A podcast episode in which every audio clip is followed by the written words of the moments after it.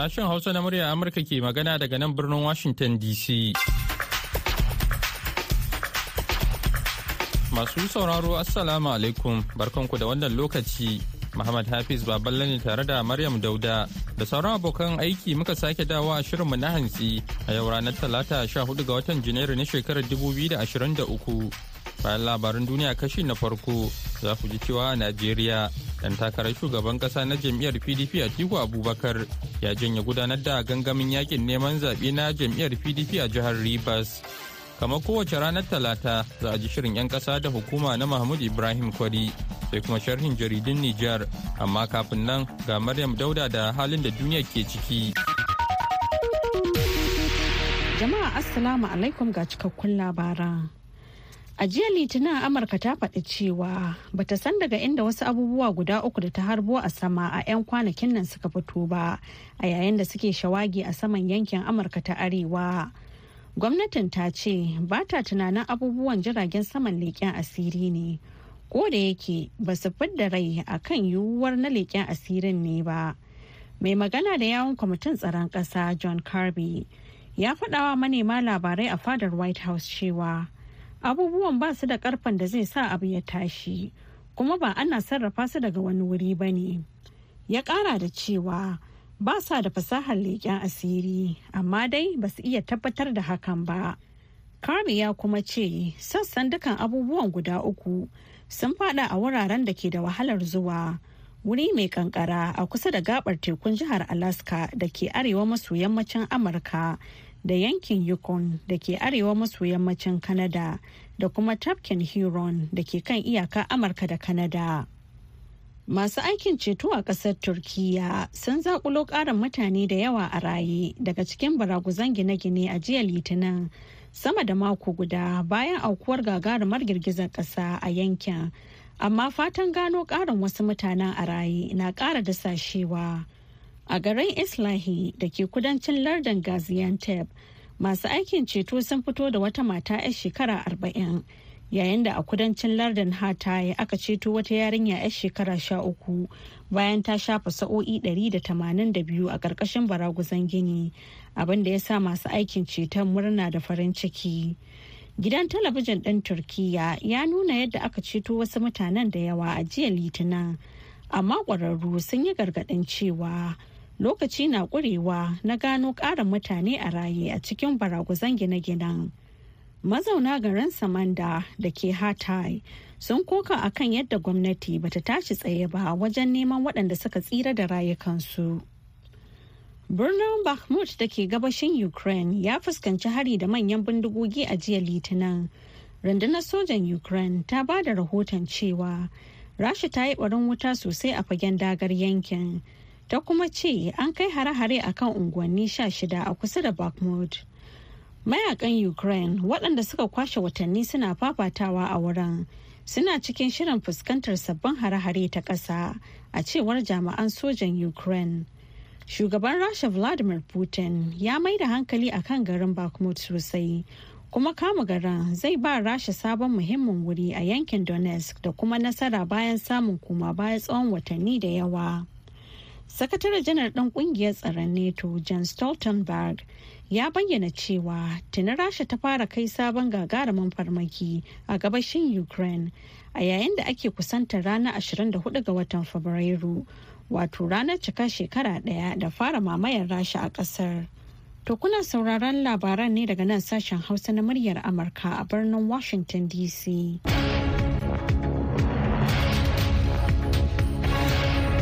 Kafin mu kawo muku sauran labaran da muke ɗauke da su, za mu fara kawo muku rahotonmu na farko yayin da yaƙin neman zaɓe kan kama a Najeriya. Dan takarar shugaban ƙasa na jam'iyyar PDP a Tiku Abubakar ya soke gangamin yaƙin neman zaɓe na jam'iyyar a jihar Rivers da ke kudu maso kudu. A hirar shi da murya Amurka Yusuf Dingyadi babban mataimaki na musamman ga shugaban jam'iyyar pdp na ƙasa kan yada labarai. Kuma ɗaya daga cikin ɗan kwamitin yada labarai na yaƙin neman zaɓen atiku abubakar ya shaida wakilin munasira da mel hikaya cewa atiku ya janye zuwa jihar rivers don kare lafiyar magoya baya daga sauya magana da gwamna nimsun wuke ke yi. Sunana yusuf dingyadi babban mataimaki na musamman ga shugaban jam'iyyar pdp na kasa akan watsa labarai da sadarwa dr iyoci ayu kuma ɗaya daga cikin wakilan kwamitin watsa labarai na babban kwamitin kamfe na atiku okowa presidential campaign committee wato pcc wannan janyewar ta zama dole domin kuwa barazana da kalubalen da ake fuskanta a jihar rivers ya sanya mai girma wazirin adama shugaban jam'iyyar pdp dr iyoci ayu da wasu masu ruwa da tsaki suka ga cewar da a yi hasarar rayuka da ya hasarar dukiya domin biyan wata buƙata. To goma a jaye har a tsara lokacin da ake ganin jami'an tsaro za su iya daidaitawa a samu tsaro saboda ganin wannan shine muhimmin abu. amma yusuf ai mun ji labarin cewa shi gwamnan da ya hana filin wasa da za a yi taron amma daga baya ya ba da dama a je a yi taron a filin to ai shi gwamnan wike mutum ne mai magana yana warwarewa da farko ya ce ya ba da wuri ya ce kuma bai yadda ba ya kuma dawo ya ce ya anshe kuma ya ce ya sake mayarwa amma daga hilin jirgi zuwa in an zo wurin da za a yi taro ba za a shiga gari. Ya ginda wasu ka'idodi waɗanda ba su yi wa akan sha'anin tsaro. Sannan kuma sai gashi kwana biyu a wannan taro an fidda barazana har an kai hari ga ɗaya daga cikin manyan 'yan siyasar pdp da ke goyon bayan wazirin adama mai girma a tiku abubakar ɗan takar shugaban ƙasar jam'iyyar mu har an harbi motocin shi wannan babban jami'in da ke kula da sha'anin kamfen a jihar rivers. To wannan shine babbar barazana ta barazana ta biyu da ake ganin akwai ta shine shi atiku abubakar baya tsoron komai akan sha'anin tsaro domin kuwa duk tunanin da wike zai yi akan sha'anin tsaronsa ko 'yan sandansa atiku abubakar yana da su. To amma talaka da zai taka ya je taro. Sauran al'umma da za su fito daga wasu wurare daga ƙananan hukumomin jihar rivers da kuma waɗanda suke makwabta tun in bayar da jihar cross river duk jihohin da ke makwabtaka da jihar rivers jihohin pdp ne. To ya za a yi da su? Amma yusuf wannan ya nuna shi kenan babu magana zuwa jihar rivers kenan. Pdp ba za ta yi kamfen a jihar ba. A'a ba mu ce haka ba. Abinda muka ce yanzu mun jaye. Har lokacin da su jami'an tsaron da a fakaice muna ganin ba sa iya ɗaukar mataki mai zafi domin ko in ka duba ko ka tuna weekend ya fito fili a tanun wasu manyan mukarabansa ya ce zai goyi bayan bola tinubu dan takar jam'iyyar apc wanda kuma gwamnatin tarayya ce ta apc to kaga jami'an tsaro za su yi abin da suke ganin za su burge manyan su a abuja.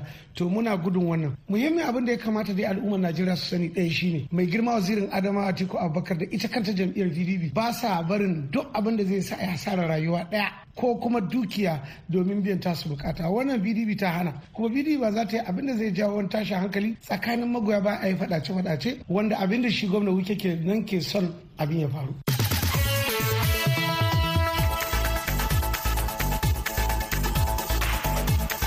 Yusuf Dingyadi babban mataimaki na musamman ga shugaban jam'iyyar PDP na ƙasa kan yada labarai kuma ɗaya daga cikin ɗan kwamitin yada labarai na yaƙin neman zaɓen Atiku Abubakar. A hirar shi da wakilin Nasiru da Kaya. Har yanzu dai kuna tare ne da sashen Hausa na murya Amurka daga nan birnin Washington DC. Yanzu dai ga Maryam ɗauke da kashi na biyu na labaran duniya. Matsalolin tattalin arziki da takunkumin da aka sanya wa kafofin yada labarai bayan da gwamnatin Taliban ta koma kan mulki a shekarar 2021 a Afghanistan sun sa a kan dole aka rufe kusan kashi 34 cikin 100 na gidajen rediyo a cewar rahotanni. Lamarin da ya sa ɗaruruwan maza da mata suka rasa ayyukansu. Ƙungiyar 'yan jarida mai zaman kanta ta Afghanistan da ake kira AIJU a taƙaice. kafar da ke sa ido a kan sauran wadda shalkwatar take birnin kabul ita ce ta fitar da alkaluma a jiya litinin ranar rediyo ta duniya shugaban ƙungiyar ta aigu hajjatullah mujadidi ya shaidawa muryar amurka cewa tashoshin rediyo 344 ke aiki a ƙasar kafin 'yan taliban su karɓi iko a watan agustan shekarar 2021 inda kusan mutane 5,000 ke aiki kuma kashi 25 cikin 100 daga cikinsu mata ne. Amma kuma tuni tashoshin rediyo 117 suka daina watsa shirye-shiryensu saboda matsalolin tattalin arziki a cewar mujadidi. A gefe guda kuma, a baya-bayan nan manyan shugabannin 'yan Taliban da ke mulki a Afghanistan sun koma caccakar juna a bainar jama'a, wani abu da ba kasafai ake gani ba. Lamarin da ya sa ake yada jita-jitar akwai baraka a tsakanin shugabannin akan ko ya cancanta a bar 'ya'ya mata su sami ilimin boko. An fara cacar bakin ne a ranar asabar ɗin da ta gabata lokacin da ministan cikin gidan taliban sirajuddin haƙani da kakkausan lafazi ya caccaki shugabancin taliban ɗin akan yin babakere da madafun iko. Ko da yake bai ambaci sunan kowa ba. Haƙani ya faɗa a wani taron addini a yankinsa na coast cewa ya kamata gwamnatin taliban ta daina aiwatar da manufofin da za su haifar da rarrabuwar kawuna tsakanin tsarin mulkin gwamnatin da jama'a abin da zai ba wasu damar yin amfani da hakan don ɓata sunan musulunci. A gaida Maryam Dauda da ta karanto mana labaran duniya daga nan sashen Hausa na murya Amurka a birnin Washington DC.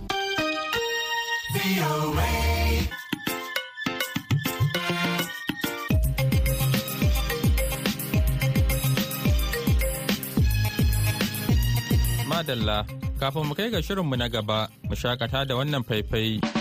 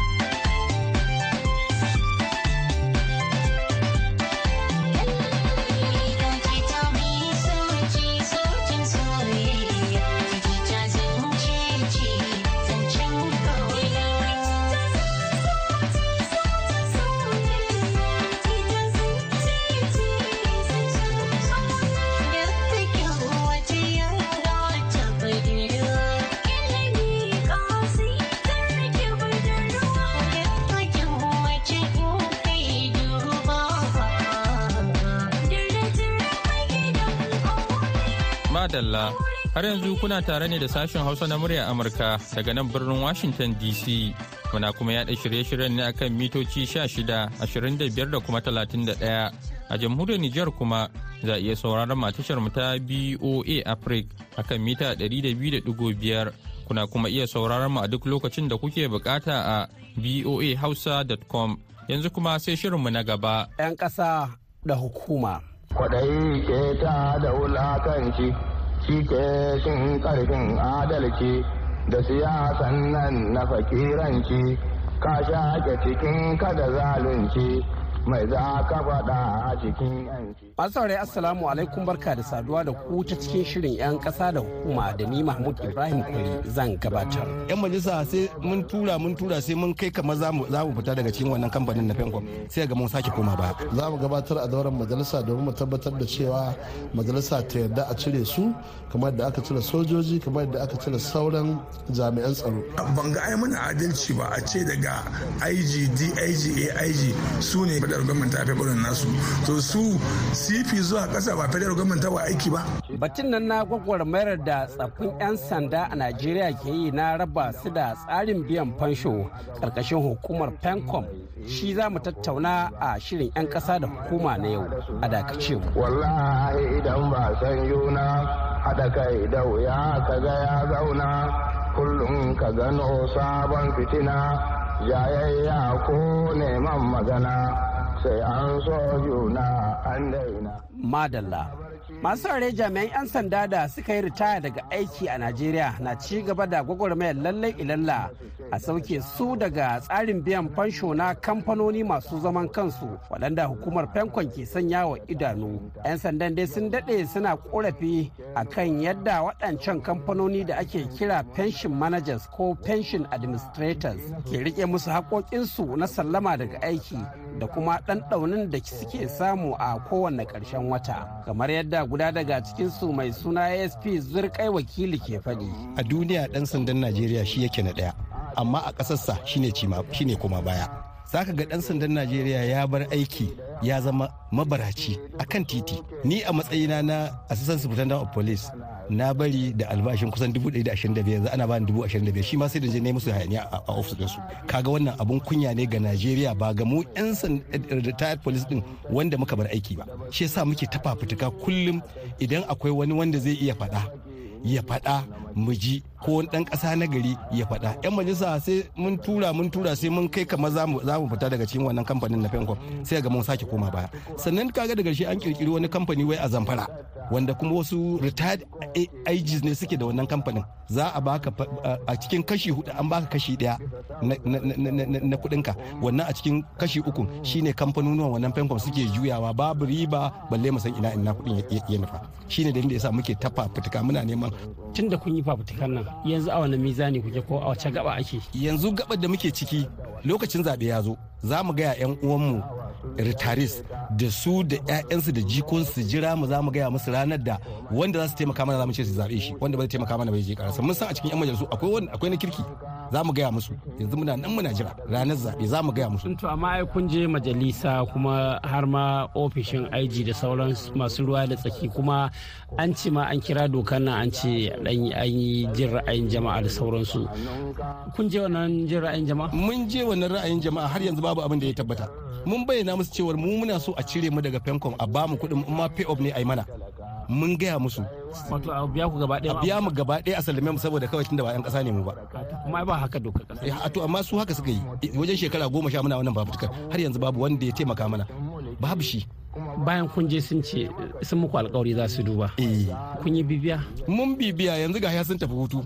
Kowa ya tafi zaɓe ya tafi neman ya tafi neman ƙuri'a shine muke kira ga 'yan fansho kada su zaɓi wanda bai taimaka mana ba wanda suka san zai taimaka mana zaɓe shi kuma za mu sake kira ranar zaɓe mu gaya musu wanda za su zaɓa.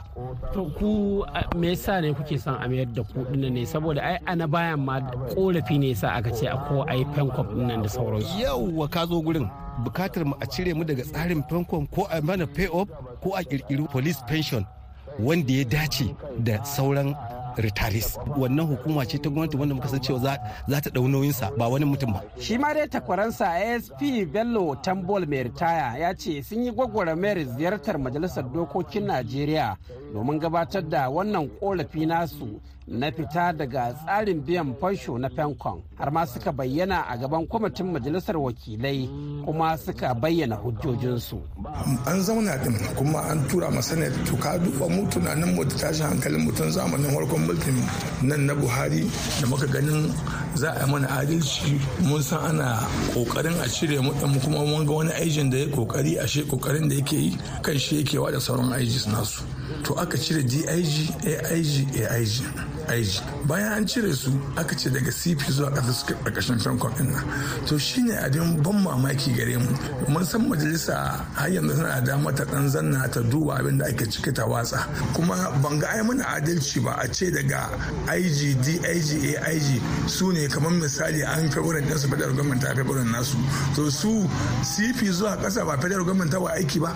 To su ne complain namu. A 2004 akwai aijin da zamanin shi yasa aka yanke mana wata shiya mun yi korafi akai an kasa ce mana komai. Kuɗaɗen mu ne har ya ritaya ya bari babu wanda aka danga tun da aka ce buhari ya hau mulki sai aka yi ruru aka ɗauko mana wata certificate. An cire min two times kuɗi na an bani certificate ɗaya ba a bani ɗaya ba. Ana ganin buhari zai ɗauki wani mataki akan zaluncin da aka mutane. Fankon ɗin nan tun da muka shiga tare da ita muke aiki yau shekara biyar da na ritaya naira dubu talatin aka bani a matsayin kuma assistant superintendent of police kuma ba a ƙara min koko ba kuma juya kuɗi na ake. To nan gaba a cikin shirin za mu je halin da wannan batu ke ciki a zauren kwamitin majalisar wakilai ta tarayya. Harkan ba ya zan kurra daga lotan nan ne zai fara amfanin kansa yana kikura ya bido haƙƙinsa ya tattara ko ko ke nasa samura ya zamanto da ne mai himma bisa sabgar kyautata al'umma. Kan an haka ba sauran hamma. Talakawa ba wani mai ba sake zama a cikin tsumma. Masu are rahotanni daga can majalisar tarayyar Najeriya na nuni da cewa kwamitin majalisar wakilai ta Najeriya ya rubuta rahotonsa akan wannan batu na neman a raba 'yan sanda masu ritaya daga tsarin biyan fansho ƙarƙashin hukumar PENCOM. Honorable Kabiru Alasar Ririm shine shugaban kwamitin. Muna nan muna ƙoƙarin gyara wannan doka domin mu tabbatar da cewa an cire su. Kuma a yanzu da yake abubuwan a gaban kwamiti na ma an daɗe da yin su. Amma dai yanzu kwamiti ya gama aikinsa. Kuma mun rubuta rahoto za mu gabatar a dauran majalisa domin mu tabbatar da cewa majalisa ta yarda a cire su kamar da aka cire sojoji kamar da aka cire sauran jami'an tsaro. Har yanzu wasu suna kokawa cewa fasalin da ake bayarwa misali za a ce ka tara misali miliyan goma amma ba ka da iko ka taba ta sai dai a baka wani hasafi daga ciki. Dama shi ma nan jaran ina ɗaya daga ciki saboda kaso 25 ne doka ta da a dinga bayarwa ko mutum idan ga karɓa amma ba da matsaloli da ake fama da su na yanayin rayuwa wanda dai kaga ya gama fensho ko in ce ya gama aikin gwamnati yana son ya ma 'ya'yansa aure ko yana son ya gida da sauransa za ka cewa nan 25% din bata ishe shi ba. Wannan yasa lokacin da muka yi taro na sauraron ra'ayin al'umma da sauran ma'aikata sassa daban-daban na ɓangaren gwamnatin tarayya suka kawo korafin cewa waɗansu suka ce suna son a ba su kaso 50 cikin ɗari na abin da suka da shi. Waɗansu ma suka ce a ba su kaso 70 waɗansu suka ce a ba da kaso 30 to shi ma muna nan mun ba da recommendation. Abubuwan da muke ganin ya kamata a ƙara daga wannan kaso 25 kwamitin mu muna nan mun yi tanadi mai kyau wadda kuma allah yarda lokacin da na gabatar da wannan rahoto namu a gaban majalisar tarayya na tabbatar da cewa za su yi farin ciki domin mun kula da yanayi da ake ciki da kuma lalle ya kamata a ce an daga su daga maganar mutum ya karɓi 25% zuwa wani kaso wanda muke ganin zai iya mutum amfani. to akwai kuma batun cewa shi kansa kuɗin nan fa juya shi suke yi su pension managers amma da yawa suna ganin cewa kamar ba sa ganin ribar hakan din. Kun karɓi irin wannan korafin kuma ko kun yi la'akari da shi misali ko gano? Gaskiya ne akwai wannan korafe korafen wani abun akwai rashin fahimta wani abun kuma gaskiya ne yana da kyau a ƙara sa ido a tabbatar da cewa duk wanda ake juya masa kuɗinsa ya kasance ana nuna masa to lokaci kaza ga irin ribar da aka samu wanda shi ma yana kunshe a cikin tanade-tanaden da muka yi wanda za mu gabatar domin mu tabbatar da cewa dukkanin wani fensho ana biyan sa haƙƙinsa yadda ya kamata. honorable kabiru alasar ririm kenan shugaban kwamitin kula da harkokin fansho na majalisar wakilan najeriya. Kuma da haka ne muka kammala shirin 'yan ƙasa da hukuma na yau. Sai makon gobe idan allah ya kai mu. Yanzu a madadin ɗaukacin abokan aiki mahmud ibrahim kwari daga sashen hausa na muryar amurka ke cewa a huta lafiya. Wassalamu alaikum. Afirka akwai wasu 'yan yunwa. Da suke karɓo kurɗi da yawa rikici duka suke jawowa a gaida mahmud ibrahim kwari yanzu kuma lokaci ne da Sulamu mini barma zai kawo mana sharhin jaridun Nijar.